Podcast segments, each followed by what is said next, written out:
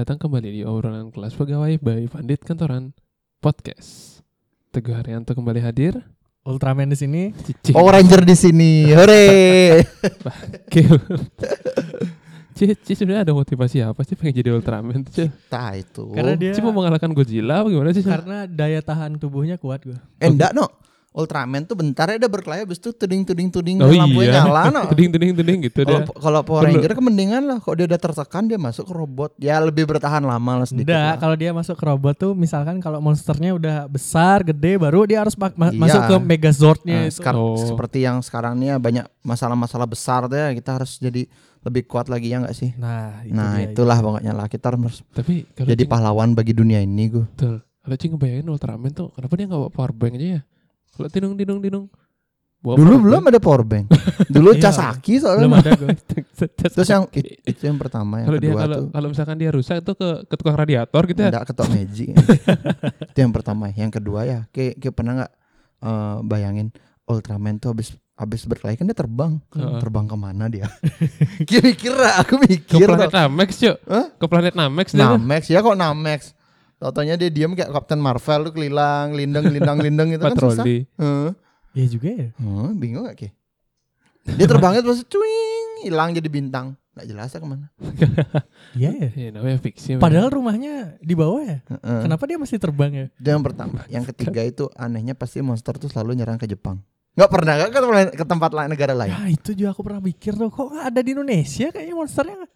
Kenapa susah, tuh? Cuk. Susah, Cuk. Karena di Indonesia udah ada Angling Dharma, Cuk. Iya, Cuma menandingi kehebatan kuda terbang Angling Dharma. itu satu. Kedua udah ada siapa? Dua satu dua tuh. Oh, Wira Sablah. Udah sableng. Oh nggak berani berarti. Nggak ya? berani dia. Iya. Iya, sebagai Padahal sebenarnya monsternya lebih kuat daripada Udo Sableng kan? Iya. Dari dari segi ukuran Dari segi ukuran kalah. sakti saktiannya beda dia. Iya. Oh, Sini so- sini soalnya pakai ini udah empon-empon deh monsternya. monster takut kena santet juga Nah, berarti. ya. Oh iya, betul betul betul. Ultraman nggak kenal. Sama sama halnya kayak situasi sekarang, nih sekarang nih betul. yang mewajibkan kita untuk sedia dan sigap selalu menghadapi cobaan ya. Iya. Jangan jumawa. Jangan jumawa. mau ketawa. Jangan Kita jumawa. nih kadang-kadang terlalu di atas angin tuh kalau aku lihat kayak perkembangan berita yang kemarin tuh. Oh, ndak bisa diserang di Indonesia. Oh, aman. Ih, tahu-tahu 500 kasusnya. No. Sebenarnya sebuah ironi sih yang kita bakal ngomongin sekarang nih karena ya everyone know coronavirus gitu loh. Cuman yang kita mau omongin kan sekarang tentang habit eh, atau mungkin peradaban orang Indonesia gitu ya. Betul. Nah, Karena- apalagi orang-orang yang ekstrovert nih disuruh diem di rumah sekarang Uh. kayak William nih contohnya nih. Nggak enak Bisa diceritain Will, tiba-tiba kamu harus disuruh diem di rumah. selama dua minggu. Ci- Ci suruh nikah mulu kayaknya kalau di rumah. Ya. dua minggu. atau berantem mulu sama orang tua Aduh, enggak. Jadi kita tuh malas jadinya kalau orang-orang kayak kita nih dikurung di rumah. Udah tergantung. Karena udah tergantung selama ini sibuk kan. Hmm. Udah selama ini nggak bisa diem. Betul. Terus kita sekarang disuruh mengurangi aktivitas tuh rasanya kayak kata dalam tempurung jadinya. Iya, iya. Terus habis itu juga pasti kan kita rasanya gelisah ya. Abis abis ulah-ulahan Telah hiburannya tuh loh kita udah udah nggak bisa ngapain lagi. Apa ya ini udah itu udah ini udah itu udah gitu. Biasanya hiburanmu tuh apa, Will? YouTube sama PES sama PES Mobile PES Mobile, F1 Mobile udah. sama sto- eh, gini ya, main Instagram ya. Instagram dikit-dikit lah. sama YouTube sih yang Si Teguh- paling Si Teguh punya sosial distancing. bukan apa pengalaman pribadi yang cukup mencengangkan. anjir Oh, apa lagi iya. nih? itu tadi kan kamu cerita yang biasanya yang lihat story ke itu dikit atau apa. Tiba-tiba banyak. Coba Oh Ini iya tiba-tiba banyak. Mbak di Hmm. jelasin jelasin dikit. tuh. Ketika kita nge-share sesuatu tuh misalkan biasanya nge-share yang kalau di follower saya yang cuma seribuan gitu kan Banyak ya? 200 ada Hmm. yang nge Sekarang waktu social distancing di rumah sampai 400 men Dua kali lipat ya. Berarti emang benar-benar orang-orang gabut nih Tapi yang bakal kita omongin sekarang kan lebih ke mungkin perilaku ya karena perilaku. karena kalau bisa dibilang dari bulan Imlek kemarin di Februari ya kan, Mm-mm. kan orang-orang pada udah orang-orang lain udah pada siaga nih maksudnya negara lain Hmm. gitu ketika Indonesia masih jadi bercandaan. Betul dan lucunya itu di sana tuh virusnya muncul waktu Imlek. Nah, Jadi benar-benar jackpot di, di China mainland itu. karena memang di Cina perpindahan atau imigrasi Perpindahan gitu ya. uh, uh, mudik mudiknya mereka lah itu kan pas Imlek kan. Waktu Imlek ya. Dan tiba-tiba ham seminggu seminggu tuh dua minggu sebelum Imlek Udah ada. diumumkan ada ada penyakit. Itu kalau nggak salah sebelumnya bukan dibilang virus loh, ada penyakit baru bernama corona dan itu Oh. dibilangnya di Wuhan otomatis kan Wuhan itu kalau selama ini yang kita tahu kan bukan kota yang sekelas kayak Beijing atau Shanghai, yang Shanghai. kita well known gitu loh. Heeh, betul. Ya tiba-tiba jadi kayak gini gue. Iya sih, cuman yang kita bakal kritisi di sini adalah kebiasaan atau mungkin ya kebiasaan kita kita lah termasuk Hmm. gitu loh, bukan cuma eh, warga Indonesia tapi kita pun ada di dalamnya gitu loh, karena karena kalau nggak nggak nggak bisa disamaratakan, maksudnya nggak bisa dijustifyin semua kebiasaan itu bakal sama. Kalau misalkan Mhm. kita ngambil satu kebijakan misal apa rapid test atau mungkin lockdown gitu. Karena tiap-tiap teritori atau mungkin tiap-tiap wilayah di kayak misal di Bali kebijakan lockdown mungkin bikin mati Bik- banget gitu. bikin mati ya karena mungkin- aktivitasnya cuma pariwisata gitu. pariwisata aja berkonsentrasi di sana. atau mungkin di Jakarta mungkin masih relatif atau mungkin di tempat lain mungkin pendekatannya atau Betul. mungkin beda-beda gitu Karena kan karakteristik tiap nega- daerahnya kan beda ya, jadi perlakuan juga Nah. harus khusus kan. betul sekali nah yang Nah, yang sebenarnya yang, yang lucu tuh gini cuy ketika orang-orang di sini tuh agak bengkung itu dalam artian gini sih Eh ketika rumah ibadah misal ditutup nih gereja Ci Mhm. misal ditutup masjid nggak bisa Mhm. jumatan gitu Betul. terus ada yang protes sih itu kenapa eh, Lava Vela buka itu kenapa eh Meksikola buka Iya, Iya kamu suruh aja MUI tutup lava vela kagak bisa lah. bisa nggak itu? Iya. Yang punya Itu wewenang perlu- itu dinas apa sih Dinas, namanya? eh, dinas apa namanya? eh, dinas kota sih sebenarnya sih termasuk dia. Saya Pemprov Badung iya, lah, Pemprov gitu. Badungnya. Itu kan Dan itu nggak bisa seketika langsung. Kamu tutup, Tutup, harus iya, diimbau karena- memberikan memberikan pengertian. betul karena kalau misalkan rumah ibadah kan yang punya wewenang kan Kementerian Agama atau Nah. mungkin di Islam MUI gitu, Betul. mungkin di di teman-teman Kristen mungkin ada dewannya gitu. Iya, kan. dewannya betul. Nah, seperti itu mungkin yang yang agak aneh di sini. Terus ketika orang-orang disuruh social distancing, mungkin dia belum baca. Mungkin positifnya gini sih. Mungkin kalau kita berpikir positif ya, mungkin yang orang-orang yang dalam tanda kutip bengkung nih alias bandel, Yang bandelnya. mereka belum baca berita ketika banyak tenaga kesehatan yang udah meninggal. Hmm. Di balik semua ini ya Di artinya balik ya. semua ini. Undercover story-nya kan. Betul. Mhm. Tapi yang yang kita agak keselin karena kita udah sadar tapi kita mau berbuat itu nggak bisa dalam Betul. artian gimana ya karena situasi itu nggak memungkinkan kita untuk ngebantu misalnya kayak Betul. bencana kita ikut Hmm. ngebantu ngapain Bisa terjun langsung ya. kan Heeh, dan Hmm. ini nggak mungkin bisa Kayak gitu. ada gini juga gue karena apa ya orang-orang kita ini kan terkadang juga bandel karena ngeremehin gue nah, iya, Nah, jadi- sih. Saat mereka nggak tahu ada undercover story ini mereka tenang-tenang aja mereka merasa di atas angin jadinya Nah. pada saat diberitakan ada tenaga medis yang meninggal dan presentasi meninggalnya tinggi termasuk di Mm-mm. kita sampai 10% rasionya atau iya. 8% tuh 8 kemarin tuh tertinggi di dunia artinya untuk covid ini kan Heeh, jadi mereka tuh akhirnya ada pergolakan Mm-mm. di dalam dirinya dia ih keluar nggak ya kalau keluar ntar lu kena nih habis itu apalagi kalau dia tidak dibu- dibudayakan hidup bersih cuci Iya. tangan habis itu kurangi pegang wilayah-wilayah yang bisa menjadi sumber masuknya virus. Jadi Mm-mm, betul. pergolakan dalam dirinya tapi di satu sisi dia dia tuh mau keluar gitu Nah, loh kayak Cida untuk gitu ya. menjalan. Tapi tapi tapi Cang ngerti sih situasi. Ci mungkin Hmm. kata teman-teman yang lain yang ngedengerin ketika misalkan eh, kalian pengen banget sebenarnya keluar mungkin Hmm. atau mungkin cari makan lah keluar ya atau- untuk untuk kebutuhan-kebutuhan primer kayaknya masih boleh ya. Iya. Diiringi doa. Iya benar sih. Iyalah kalau umpamanya kayak kayak mau beli makan atau mau cari hiburan artinya dalam hiburan gini ya kayak kita mau beli buku mau beli koran ataupun yang bisa menunjang kegiatan kita biar jadi nyaman ya Di selama gitu.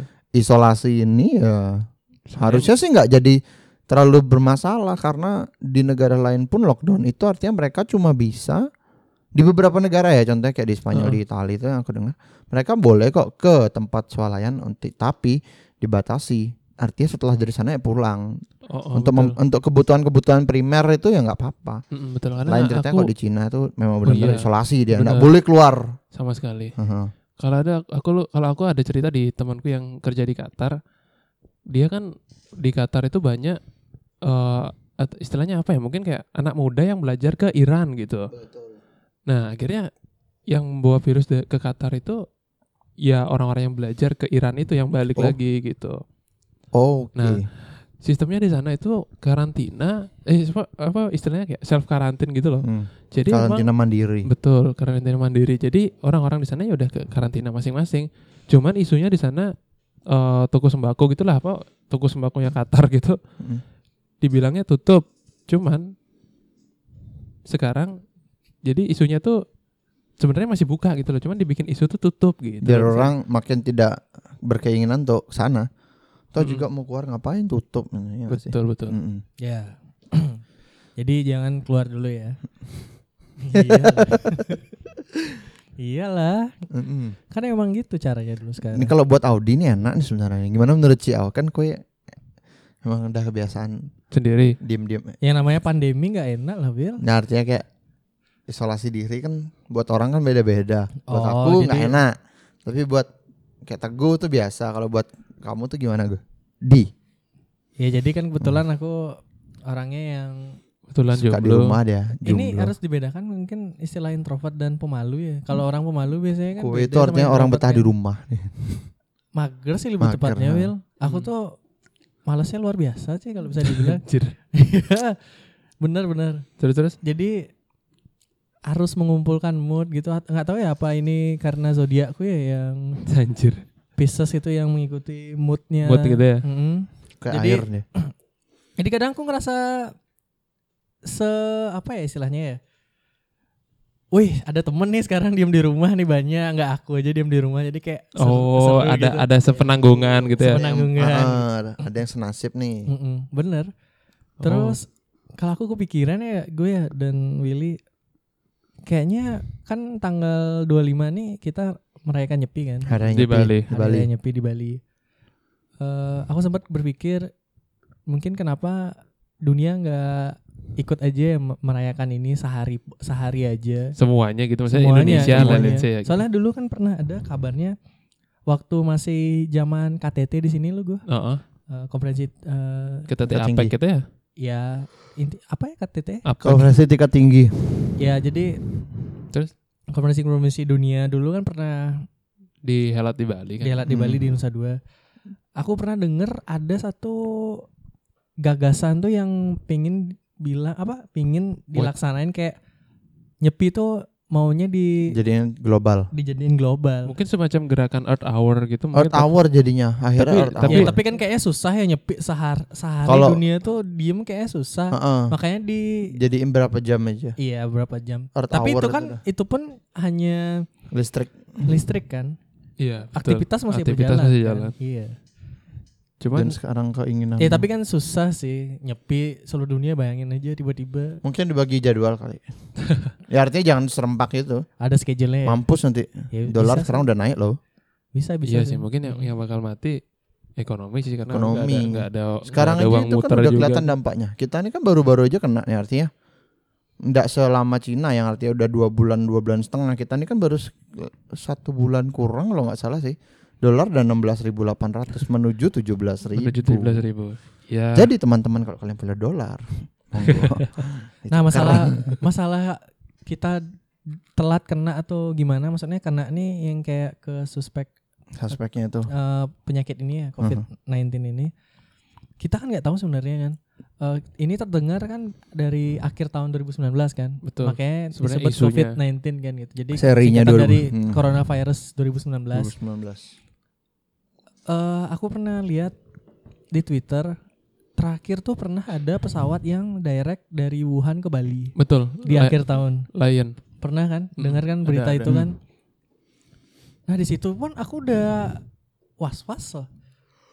Dan itu masih masih buka ketika mus, eh, early Corona. early sebelum Early, Imlek early, lah. betul. Sebelum Imlek itu masih ada masih Ah. ada yang on. Nah, itu kan kejadiannya aku tahunya waktu masih bulan Januari atau Februari kalau nggak salah. ya. Heeh, Januarian gitu lah. Januari Februari ya. Nah, aku udah wanti-wanti langsung ke manajerku, kan kalian tahu kan Asik. eh Bu ini bahaya loh. Jadi penyakit ini kan nggak ada vaksinnya atau apa. Kenapa kita harus sediain? Waktu itu kan masih gampang nyari gini eh, sanitizer. Betul. Eh, kita harus sediain sanitizer mu nih bla bla bla bla. Aku kayaknya sempat udah aku blast di grup kan. Nah, Akhir eh, ya waktu itu nggak ada action sama sekali sih. karena ya memang Karena emang mungkin Belum. gini pikirannya ya. Jadi karena ah Indonesia belum kena nih masih aman. karena gimana sih kalau Cang boleh boleh sedikit curhat gitu ya. Orang Indonesia contohnya misal kayak gini deh. Jalan rusak kalau nggak ada yang meninggal di jalannya itu nggak bakal diperbaiki. Dalam tanda sampai kutip ya. dampak ya, sampai keluar dalam dampak ya, tanpa, bro. dalam Itu tanda kutip dalam tanda kutip gini Hmm. oh maksudnya bukan cang meremehkan Kementerian PUPR atau Hmm, mungkin yang Tapi kalau masih bisa di oh, rusak mas sedikit ya udahlah gitu. Nah, cuman yang yang balik lagi yang yang Cang tekenin di sini adalah kebiasaannya kita gitu loh untuk nunda itu. Jangan kan di institusi dari kitanya sendiri pun dari orang-orang misalkan dari Cang deh gitu. Ketika misal dapat deadline ini ya memang kalau misalkan tugas tuh nggak mepet banget nggak nggak nggak dikerjain. nggak dikerjain gitu. Betul. Kita Itu berarti ya- emang gini ya, sorry potong nunda, nundanya keras ya. nah itu sih Nunda kebiasaan keras. nunda itu sih. Eh, coba kita bisa lebih menghargai ini loh masalah nyawa masalah. Itu dah masalahnya nyawa sih. Jadi i- nggak bisa dianggap sepele sebenarnya. Emang bad habit kita ini emang harus dimusnahkan sebenarnya. Nggak nggak boleh kayak ya harus nunggu korban dulu baru kita bertindak. Sebenarnya kan. Iya. Ini sekarang berapa terakhir data korban meninggal di Indonesia gua? Yang aku dengar kemarin per tanggal 22 Maret itu 450 sih. 450. Ah, 450 enggak, bukan yang meninggal. oh yang kena, yang kena. yang positif. Heeh. Terus yang sembuh? Eh less than 30 kalau nggak salah. Sekitar segitu deh. Hmm, Cuma iya. mungkin nanti dipantau di WhatsApp Kemenkes kan ada tuh, tinggal say hi nanti kan langsung kelihatan. Ya. Aku Nah. aku juga pengen share dikit nih gue tentang Apa tuh? banyak nih kan udah ngomongin corona corona tapi bahkan mungkin orang mungkin yang belum tahu corona virus itu apa sih. Jadi Kasih tahu aja. aku ingin bacain dikit nih dari asu ma- apa dari Asosiko. Heeh. Virus yang awalnya ditemukan di Wuhan, Cina ini bernama SARS CoV-2. Heeh. Penyakit yang ditimbulkannya secara resmi disebut COVID-19, singkatan dari Coronavirus Disease 2019. Nama corona diambil dari kata berbahasa Latin yang berarti mahkota. Ini disebabkan karena bentuk virus corona yang menyerupai sebuah bola berduri yang berbentuk mahkota. Jadi jangan pernah salahkan corona bir ya. Jadi nama corona itu diambil karena virusnya ini mirip dengan mahkota dan Betul. corona dalam bahasa Latin tuh artinya mahkota. Mahkota. Jadi nggak ada relate dengan brand minuman itu gitu loh. Iya. Yang asal ya sebenarnya ya it's okay sih kalau memang itu dijadiin bercandaan ya ya nggak salah juga. Tapi cuma- aku sempat lihat di Twitter gue. kenapa? Nah, jadi kan kayaknya ada orang yang videoin di dia tuh si- eh, lagi di minimarket. Heeh. Dia videoin be- beberapa rak makanan kan. Kayaknya dia lagi di rak minuman. Hampir segala minuman itu ha- hampir out of stock atau Mhm. habis.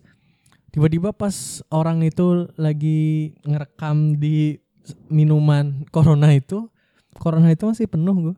Masih banyak. Oh. Jadi ada ada Iya ada ngaruh gue gitu loh. Jadi in- ini yang aneh ya gitu maksudnya corona bir dan corona virus itu sangat berbeda loh, nggak ada hubungannya bahkan. gimana sebenarnya ironi sih sebenarnya jatuhnya nggak sih? Iya.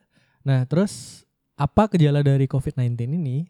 Gejala yang muncul umumnya ringan seperti batuk, batuk kering, demam, kelelahan dan sesak napas. Namun ini sangat tergantung kepada daya tahan tubuh masing-masing. Bahkan sudah ada beberapa laporan kasus terbukti positif COVID-19 meski tanpa gejala. Ngeri Nah, emang ini gua. ini ngeri sih ketika Ini soalnya penyakitnya mirip gini, Cuk. Eh mirip penyakit-penyakit musiman gue.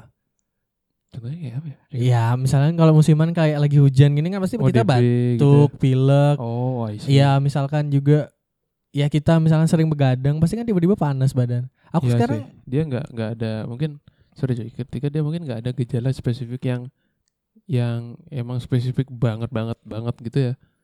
Soalnya penyakitnya ini kan ya bisa dibilang lumrah-lumrah aja sebenarnya gejalanya gitu loh. Semua Iya. orang pun bisa. gitu. penyakitan musiman dari itu sebut kayak anggap deh nih lagi zaman hu- musim hujan kan. Mm-mm. Kok zaman musim hujan?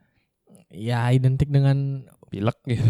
eh, pada saat musim hujan apa sih kalau misalnya kita lagi nggak fit pasti pilek, batuk, atau misal kita lagi secara nggak sengaja lagi kalap makan makanan Gorengan. gorengan atau apa pun yang buat tenggorokan kita eh apa ya kering gitu atau gatal. Mm-mm, sakit tenggorokan Nah, segala macam. Kita jadi, takut kan?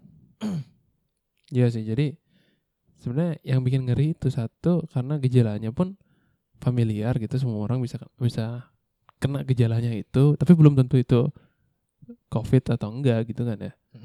Nah, seberapa mematikan COVID-19? Para pejabat Badan Kesehatan mengatakan COVID-19 tidak lebih mematikan daripada SARS yang memiliki laju kematian atau fatality rate 10% dari seluruh orang yang terinfeksi. Per 3 Maret 2020, WHO menyatakan bahwa 3,4% kasus COVID-19 yang dilaporkan berujung pada kematian. Namun itu hitungan sementara yang masih sangat mungkin berubah. Nah, jadi emang kita dituntut sekarang untuk menjaga daya tu, daya, da- daya tahan tubuh, terus selalu mencuci tangan, ya tidak keluar rumah atau selalu menjaga jarak setidaknya satu meter Untuk jika bertemu orang atau pada saat memang urgent gitu keluar ya jaga jarak lah ya betul juga. dan s- yang terpenting dan yang sederhana sih aku udah ngelakuin juga tuh Cak? misalkan kalian kalau sedang ke minimarket atau ke mana pun dan itu menuntut kalian harus harus membuka pintu itu nah gunakanlah siku kalian Mm-mm. Jangan Elbow. ya jangan gunakan tangan kalian Betul sekali itu karena Tapi tetap misalkan kalau udah balik ke rumah habis dari tempat tadi Mm-mm. itu tetap langsung cuci tangan lagi. ya. Betul, Walaupun betul. emang tangan tangan nggak ada bersentuhan sama sekali mungkin sama orang-orang cuman kita harus tetap cuci tangan terus. betul karena kebiasaan kecil cuci tangan ini bisa bisa dalam artian kalau virusnya tuh katanya nih ya virusnya tuh bisa terbunuh di, yang yang di tangan tuh bisa mati kalau kita cuci tangan lebih dari 60 detik gitu loh. Ya. Nah, siapa yang paling beresiko terkena COVID-19? Sebagaimana umumnya penyakit pernafasan, orang-orang berusia lanjut dan yang mempunyai penyakit-penyakit bawaan seperti diabetes dan darah tinggi lebih rawan. Pada lansia dengan riwayat penyakit jantung, diabetes atau kondisi lain. COVID-19 dapat menyebabkan pneumonia, kegagalan organ, bahkan kematian. Bagaimana dengan anak-anak? Menurut CDC, belum ada bukti bahwa anak-anak lebih rentan terkena COVID-19. Nah, bagaimana mempersiapkan diri? Yaitu yang tadi kita bilang, gue cuci tangan secara teratur, tutup mulut dan hidung dengan siku saat batuk atau bersin, dan bila Anda kurang sehat, istirahatlah di rumah dan perbanyak minum air putih. Betul sekali. olahraga juga Olahraga ya minimal katanya setiap hari itu Gerak. 30 menit lah Berkeringat lah ya. ag- agar bisa berkeringat. nggak mesti berkeringat yang penting kita bergerak karena kok bergerak imun tubuhnya naik Oke. Nah, selain itu mungkin Cang sebenarnya agak agak insecure ngeliat berita sih juga no. Ya berita karena Nah, ini ada relate-nya dengan relate-nya. episode kita kemarin kan Betul, bahas betul. saring sebelum sharing. Betul banget. Karena Cang kalau misalkan eh, sebenarnya beda tipis gini no. Ketika kita tuh pengen aware atau malah panik gitu. iya ketika baca berita contohnya misal gini kita nih awalnya pengennya aware lecang pengen tahu nak mestinya ngapain sih menanggapi ini gitu cuman ketika lihat berita ngulik-ngulik lagi malah paranoid ujung-ujungnya malah paranoid dan panik gitu loh cuy anjir Iya. udah 450 anjir udah sekian yang meninggal gitu. karena Jadinya di satu sisi berita juga harus ada bahan yang buat dia kerjain kan. Benar gak nyalahin nah itu juga. dia. Dan kadang banyak juga media entah media yang ini biasanya malah media-media yang kecil-kecil ya yang digoreng-goreng beritanya jadinya malah makin iya sih. panik Ta- Tapi orangnya. itu emang harus diimbangi dengan berita kesembuhan dari benar-benar si pasien yang Kesembuhan. positif dari coronavirus ini. jadi biar ada leg- ada rasa lega juga kan. Iya, jadi bahwa penyakit ini memang bisa disembuhkan. bukan karena nggak semua orang kan umpamanya kayak model kita nih kita nih udah tahu kan informasi. Jadi kayak ih ada penyakit ini nih masuk Indonesia. Oh nyata apa kan kita udah tahu kita harus ngapain ngapain. Nah yang di Indonesia bagian lain ayo. Nah, ada yang di pelosok-pelosok juga ayo. Ketemu berita gini panik mereka Iya. nggak semua kan juga berpikiran kayak kita. Oh yang penting cuci tangan istirahat cukup tutup si tutup kalau kita bersin dan batuk. Lah kalau mereka terus tiba-tiba di pelosok-pelosok wih penyakit ini no. waduh nanti malah akhirnya jadi suatu problem besar itu. Iya, Iya. sih. Baru ada orang batuk padahal dia bener-bener batuk biasa dibilang kamu virus ya penyakit ya? Itu, itu, ribut udah, itu udah sering banget kejadian sih. Maksudnya kayak misal karena kan enggak semua orang ngerti. Iya benar. Ya apalagi sekarang kental dengan diskriminasi sih sekarang. Iya. Iya sih. Mm-mm.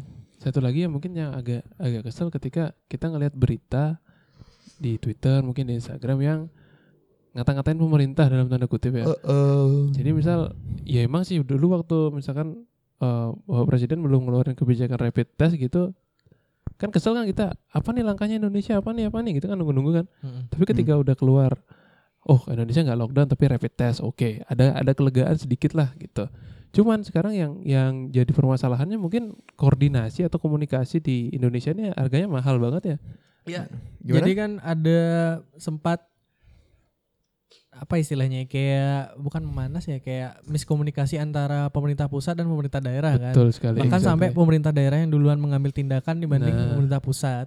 itu Nah, makanya Jadi kita sebagai warga yang memang tidak bisa ngapa-ngapain, Mm-mm, kita bingung. bingung jadi Hmm. harus mesti ngikutin yang gimana ya mesti ngikutin yang mana gitu kan Koordinasinya Ya, nggak satu bahasa. Sebelum Mm-mm. sebelum Pak Presiden kita, Pak Pak Jokowi bilang apa? Kan di, kita dikasih dua pilihan tuh, kita mau lockdown atau rapid test. Nah, pada saat itu kan waktu belum belum akhirnya kan Pak Jokowi meminta untuk rapid test kan. Tapi Heeh. sebelum sebelum ada pernyataan itu kita kan sempat panik gitu. Pak gimana nih Pak gitu cepet eh, harus ngambil tindakan bla bla bla bla gitu. Nah, malah malah kalau Cang boleh objektif menilai Hmm. ya ketika ketika situasi Pak Jokowi belum menentukan kebijakan dalam artian belum menentukan kebijakan rapid ini kan yang ngambil ngambil apa istilah ngambil action duluan itu kan gubernur Jakarta karena emang di sana epideminya Indonesia kan di Jakarta Pertama. itu benar Iya, di dan Depok. Sampai sekarang pun yang kasus positif coronavirus paling Tinggi. ba- paling tinggi Nah, paling banyak itu kan si di kebetulan masih di Jakarta. Nah, Iya. nah, aku malah harusnya malah appreciate ke Anies yang berani ngambil tindakan itu karena apa? Karena dia yang tahu seluk beluk warganya di sana dan emang situasinya urgent gitu loh. Jadi emang diperlukan untuk Potong, kredit- potong jalur. ya istilahnya potong jalur ya, untuk situasi force majeure urgent kayak Mhm. gitu. Cuman anehnya malah itu digoreng jadi bahan politik, Cok, gitu loh. Tempat-tempatnya ya. Heeh, contoh gini deh kalau misalkan yang lebih gampang ketika misal eh, ketua Nasdem gitu Surya Paloh dia eh, ngasih hotel miliknya pribadi untuk dijadiin rumah sakit. Terus Nasdem aja udah bisa kayak gini. Mana partai yang lain gitu. Ya it's okay kalau memang memang nyumbangnya atas nama pribadi gitu bukan atas nama partai. Takutnya nanti di Hmm. kamarnya di kamar di kamar rawat gitu ada apa spray Nasdem gitu kan gak lucu gitu. Tapi emang harus diakui gue pada saat pada saat-saat seperti ini emang panggung politik apalagi untuk yang ingin menunjukkan ini Heeh. intinya panggung politik lah ini sebenarnya bagi mereka tuh waktu yang tepat gue. Uh, to be ukuran true ya ukuran, ukuran jahatnya ya. eh mereka pasti ingin selalu show off Betul. ke publik bahwa ini loh aku aku lakuin ini lakuin ini gitu. Yang padahal seharusnya kita kan harus bersatu untuk melakukan eh, menghadapi pandemi ini. Iya betul sekali. Sebenarnya agak sedih juga sih ketika ini malah digoreng jadi politik. Terus orang-orang yang memanfaatkannya pun ya yang yang ibarat, ibaratnya kayak gimana ya? Motifnya tuh beda-beda gitu. Ada yang emang dia nyerang pemerintah, ada yang pengen eh, pemerintahnya turun lah atau Hmm. segala macam, atau yang ada yang pengen menteri ya diganti lah. Itu kan emang udah bukan mikirin lagi tentang penyakitnya Betul, gitu kan betul. Malah jauh larinya. jauh banget gitu loh itu Hmm. sih sedihnya sedihnya malah di sana sih ketika situasi ini kita nggak malah yang istilahnya nggak malah yang stay di rumah gitu yang, yang Betul. nurut aja gitu sih emang kalau bisa dibandingin peradaban di Korea atau mungkin di Singapura sama di Indonesia jauh banget ya ketika di sana di Singapura misalkan dia eh, apa tingkat kematiannya itu 0% malah nggak Hmm. ada yang meninggal kan Di gitu mana Singapura kan? di Singapura kan Iya itu Nah, keren. tuh. karena warganya nurut gitu loh mungkin aku bisa bisa paham sih kalau misalkan eh, di posisi pemerintah gitu kenapa mereka nggak Hmm. berani lockdown ya emang Mm-mm. karena mereka paham gitu warga Indonesia itu susah untuk nurut gitu Iya. loh. ya udah mungkin kebijakannya rapid test gitu Iya, seperti yang dilakukan Korea Selatan kan. Korea Selatan tidak melockdown eh negaranya, tapi rapid ya. tapi dia rapid test. betul betul malah ada yang eh, gini kan yang drive thru itu tuh sempat lihat videonya sih tapi itu keren sih Hmm. Hmm. dia punya punya pemikiran sampai sejauh itu untuk untuk menyegerakan ini dan mempercepat proses alurnya gitu loh. Nah aku sempat baca-baca thread di Twitter tentang yang istilahnya apa ya? Mungkin threadnya itu agak agak sedikit subjektif tapi ini mungkin bisa jadi bahan pertimbangan untuk antisipasi kalau kalian mungkin kena gitu. Jadi Hmm. ada ada satu istilahnya gini, si wanita ini nganterin ibunya berobat gitu karena ibunya baru pulang dari Mekah, jadi baru pulang umroh. Iya. Nah si orang tuanya ini gejala batuk-batuk mulu gitu loh. Emang dari udah sebelum berangkat sampai dia balik pun masih tetap batuk. Itu kan cuman jadi worry. Mm. Nah akhirnya si ceweknya ini nganterin si orang tuanya ke ke rumah sakit gitu. Aku rumah sakit di Jakarta lupa namanya. Nah di sana dia ketemu dengan petugas rumah sakit dan nggak dapat pelayanan tentang alurnya yang jelas. Jadi kayak di over-over gitu loh. Misalkan ini ke section A, oh nanti ke sini aja bu ini. Ini ke section B, oh nanti ke sini aja di over-over gitu loh Mm. setelah antrinya sekian lama gitu akhirnya dia dapet dan intinya dia nggak puas dengan hasil tesnya itu gitu Mm. karena mungkin nggak nggak belum waktu itu mungkin belum ada standar yang jelas tentang swab test atau mungkin uh, rongsen atau yang gimana gitu ya. Dan akhirnya si si cewek ini kan waktu nungguin si ibunya itu dia sholat ke musola. Sholat ke musola rumah sakit. Nah dia di musola itu bertemu dengan seseorang cowok. Nah si cowok ini sholat tadi depannya dia gitu. Karena kan ada pembatas gitu kan cewek cowok. Hmm. nah si cowok ini sholat di depannya. Nah habis itu ketika dia keluar kembali ke kayak ke front desk-nya gitu. Nah si front desk-nya ini panik kan. Ternyata yang cowok yang tadi di di musola itu itu suspek positif. Jadi orang rumah sakit pun dia menutup nutupi kalau itu tuh suspek positif dan dia bisa berkeliaran di rumah sakit gitu loh. Mm-mm. kayak gitu. Jadinya si cewek ini rada rada rada gimana gitu ya? Ketika dia berada satu satu Di- ruangan itu. uh, satu ruangan dengan yang katanya positif itu gitu loh Mm. gitu sih mungkin jadi itu jadi pelajaran buat teman-teman yang ngedengerin entah ini ceritanya bener atau enggak itu diambil positifnya aja ketika kalau kalian sakit gitulah ribetnya masuk rumah sakit gitu loh jadi kalau bisa jangan ke rumah sakit deh mending sehat-sehat aja gitu Di- kan Ini di rumah ya.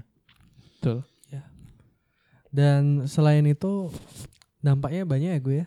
Iya. Seperti kita kita ini kita kita ini kan pegawai Betul. kantoran lah yang ya Yang- kerja di instansi pariwisata. Ya kita kerja di bidang pariwisata Ya, dan Bali kan. mungkin kita sedikit curhat ya tentang ini ya. Ya. iya. Jadi curhat kantoran. Curhat kantoran. Jadi eh, apa ya? Bali kan juga termasuk destinasi favoritnya wisatawan lah di Indonesia kan salah satu Iya. lah ya. Kita nggak bilang Bali tok sih. Habis itu dampak tuh mulai berasa juga dari jumlah traffic arrival yang menurun, tamu yang keburu panik pulang. Jadi kita secara nggak langsung juga andil apa ya? Andil banyak untuk menenangkan mereka kan ya. dan itu bukan hal yang mudah menenangkan orang yang panik karena satu hal yang seperti ini itu campur aduk pasti pikiran mereka saya pengen cepat pulang saya pengen eh, sebelum negara saya di lockdown apa ada dan akhirnya banyak action yang harus diambil secara singkat entah dia yang harusnya stay lebih lama akhirnya pulang. Banyak banyak problematika yang datang jadinya. Sampai harus penyesuaian dengan jam kerja dengan banyak lah gitu. Ya ini aku juga baru tumen di situasi ini ya. Em, kemarin kan kita habis ngelewatin ngelewatin masa Gunung Agung erupsi, terus masa pada Lom, gempa lombok. Ya gempa Lombok, terus gem- masa like jauh dari itu masa pada saat bom Bali satu dan bom Bali dua. Cuman itu aku belum terlalu paham situasinya karena emang masih anak-anak sekolah dasar. Nah, cuman yang waktu aku ngerasain waktu erupsi Gunung Agung Heeh, itu pun udah kerasa banget kerasa banget walaupun nggak se separah sekarang sampai bener-bener beberapa tempat makan beberapa tempat objek wisata kebun binatang pun di sini ya intinya tempat-tempat wisata. wisata di Bali itu nyaris tutup semua gue bener-bener bener. Mm-mm. kalau boleh dibilang ini efeknya langsung langsung straightforward banget ke kita gitu loh. Karena kita kan masih bisa dibilang tim unpaid nih hitungannya kan. Nah kita masih sebenarnya masih masih bersyukur sih kalau orang Bali mungkin bilang itu nuaget gitu lah. Nuaget unpaid tapi masih ada sebagian yang dibayar gitu kan. Cuman beda halnya de- dengan teman-teman yang mungkin pekerja lapangan dalam tanda kutip mungkin guide atau mungkin eh, penjaga di wisata gitu mungkin kan Oh, maksudnya freelance gitu lah ya. freelancer gitu kan dia mereka langsung sama-sama sama sekali udah nggak ada job lah bisa dibilang gitu kan dengan situasi kayak gini gitu loh Aku berani bertaruh sih emang kayak mereka nggak ada job lagi. iya tuh. kan Bercermin dari eh data tamu arrival yang ditanggung, yang bukan ditanggung, maksudnya yang dihandle oleh perusahaan kita ya gue. ya. Apalagi kayaknya perusahaan lain dah, kayaknya nggak ada tamu emang dah. iya kan karena Mm-mm. dengan situasi gini dan ya mau gimana lagi gitu loh kita nggak bisa memaksakan perusahaan juga untuk ngepush tetap ngebayar karena situasinya mereka pun pasti memikirkan keselamatan perusahaan dulu kan gitu Kesela- keselamatan industrinya dulu gitu Ya itu. Jadi wah kalau bisa dibilang tahun ini emang tahun penuh cobaan ya iya dan akan memang tercatat dalam sejarah sih ini emang betul tahun Bang. 2020 ini. itu katanya wisuda double degree sih ketunda juga Oh ya? iya. Go. Liga-liga top Eropa, Premier League, udah Serie jelas A, udah jelas La Liga itu aja tunda apalagi wisuda Cang yang volumenya tuh yang gak seberapa dengan event-event olahraga internasional. Ya, Iya semua sih. kena imbas lah gue. Adik-adikku jadi libur diperpanjang. iya sih benar Karyawan pun gitu juga yang mungkin ya tadi tadi nyambung yang kita obrolin tadi ya. Heeh. Bia- karyawan yang biasanya selalu produktif. Intinya mungkin jarang di rumah lah bilang gue. Heeh. Pokoknya dia tuh bahasa Balinya lagas gitu. Iya, terpaksa. Tiba-tiba langsung eh, work from home. aduh, Jadi kayak kaget mungkin ya. kaget lah gue. Jadi kayak gimana ya kayak misalkan kamu stop mobil Ferrari lagi ngebut tiba-tiba kamu stop suruh suruh pelan-pelan jalan. Kamu suruh di jalan rusak gitu misalnya. iya, nah. Jadi Karena kan nggak enak banget rasanya. Betul. Heeh. karena kalau di Bali sendiri kalau dari yang Cang lihat-lihat gitu ya, nggak semuanya bisa work from home gitu loh. Gak bisa gue. Terutama yang pekerjaan berbaur operasional sih aku lihat. Nah, itu juga sih. Heeh. Karena mereka kan harus namanya operasional ya operasional identik dengan lapangan. Nah, Ya lapangan tuh maksudnya ya bukan lapangan bola. Nah kan bahasanya gitu gue pekerja lapangan gitu. pekerja lapangan atau mungkin oh kamu kerja di lapangan gitu apa ngapain? ya? Mungkin frontliner lah dalam ya tanda kutip frontliner. gitu. Intinya apa ya bisa dibilang operasional tuh. Jadi intinya tubuh tuh ikut bergerak juga kayak gue. Intinya dia dia yang be- apa istilahnya kayak ujung tombaknya untuk ya ya. Untuk di kegiatan operasionalnya itu gitu. Ya bisa disebut itu. dan itu nggak bisa nggak bisa disamaratakan mesti work from home gitu jadi beruntunglah kalian yang misalkan ada kesempatan untuk work from home dan tetap dibayar dan kerjaannya tetap jalan itu emang emang mungkin apa istilahnya kayak ya itu sebuah keberuntungan banget ya jatuhnya di, di situasi kayak gini yang masih bisa work from home eh, gaji tetap kerjaan jalan bisnis jalan gitu Ya eh, apa? Nah jadi aku lupa ngomong apa itu. Sebenarnya ya sedih sih sebenarnya tahun ini tuh awal-awal ini Sedih banget gue. Nggak nggak expect sih bakal seperti ini, nggak expect bakal parahnya bakal seperti ini. Ya jadi kita banyak-banyak berdoa aja sih sebenarnya agar semoga ke depannya bisa menjadi lebih baik, lebih sehat lebih sehat betul sekali tanpa ada coronavirus ini. jadi mungkin teman-teman kalau boleh saran mungkin yang bisa kerja di rumah bersyukur banget Bersyukur banget. Oh iya ini yang aku ngomongin tadi. Sebenarnya juga kerja di rumah tuh susah loh gue. Tantangan kenapa? tersendiri. Tantangan kenapa? iya, iya, betul betul Karena betul. pasti akan ke distraksi hal-hal lain. betul Contoh di rumah, di rumah nggak ada yang ngawasin kamu dalam bekerja kan? Nggak ya paling ketemu keluar keluarga aja. Oke. Nah di rumah, ad- misalkan apa? Misalkan kalian memiliki fasilitas yang kebetulan yang cukup lah untuk kalian, fasilitas hiburan mungkin ya Iya. dalam maksudku ya ada TV, Ada wifi. ada wifi mungkin kebetulan kalau kalian punya PlayStation Hah. eh, Xbox atau apa pun aku nggak yakin loh Iya, kalau bakal itu iya. tuh bakal 100% full Iya, sama- untuk pekerjaan Sama seperti eh, aku nanya ini dah. Kalian kok di work from home? Jujur ya, jujur ya lebih dominan work apa play? Nah, tidur pasti sih play lah Pasti Tidur lah. Even even kalian jawab work, pasti orang tuh kayak ah munafik kamu ah. Nah, yakin gue kerja Yang disebut teguh juga tidur Iya. bener orang di rumah ada kasur, Heeh, di, betul. di kantor Jadi, ada kasur ya. bener-bener kayak mungkin bi ya oke lah mungkin masih ada yang jujur kerja tapi kerjanya itu anggut-anggutan pasti Biasanya- biasanya biasanya biasanya, pa- biasanya paling ini asumsiku paling mereka kayaknya bekerja bener-bener pada saat memang ada yang deadline. betul uh, Kalau memang ah bisa ntar kecuali pasti ditunda. ya kecuali perusahaannya benar-benar strict oke saat kalian kerja kalian harus tunjukin bukti pertama dan kalian harus nunjukin kalian kerja dari jam berapa sampai jam berapa entah itu Wah, itu. entah itu ada video call by timnya atau bagaimana tapi kayaknya di tengah badai seperti ini eh, ndak yakin kok perusahaan akan se-strict itu Iya itu dah. Heeh. Jadi Banyak itu sih kalau aku Betul. ya mungkin dan William juga. Kebetulan kita kita juga yang masih muda ini. Yang kayaknya akan susah kalau misalkan memang kerja dari rumah. dan kalau bidang-bidang kita ini memang su, su- susah su- susah banget untuk bekerja di rumah. Artinya tidak memungkinkan karena sistem dan lain-lain. Kita ngeling di kantor. Iya. Mau kerja di rumah kita harus tarik sistem. Itu per- perlu kuota yang besar. Habis itu perlu speed yang tinggi belum tentu bisa lagi Iya. Betul, Kelebihan betul. kita biasanya bekerja pada umumnya di kantor tuh apa tuh karena kita pertama bisa bersosialisasi lah. Ini di luar Iya. pekerjaan ya bisa bersosialisasi. Intinya ketemu orang, nggak nggak kayak ya di rumah ya ketemu keluarga sih memang cuman seberapa bes- banyak sih orang di rumah dibanding di kantor kan kalau misalnya di kantor kan pasti ketemu orang-orang baru lah dan